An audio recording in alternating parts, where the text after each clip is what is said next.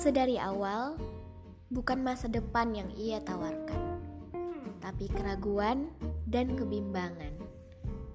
Pun di tengah perjalanan, ia lebih memilih hidup berasingan dengan pemikiran yang berlainan.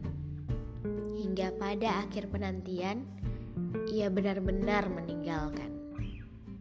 Yang ditinggalkan tentu merasa kehilangan. Seperti kalimat klasik yang mengatakan, semua kini tinggal kenangan. Jelas itu termasuk hal yang berkesan, tapi bukan untuk dijejaki hingga ke masa depan. Bukan salah waktu, kamu, aku, atau tentang kesiapan. Melainkan apa yang tak ditakdirkan tak boleh dipaksakan. thank you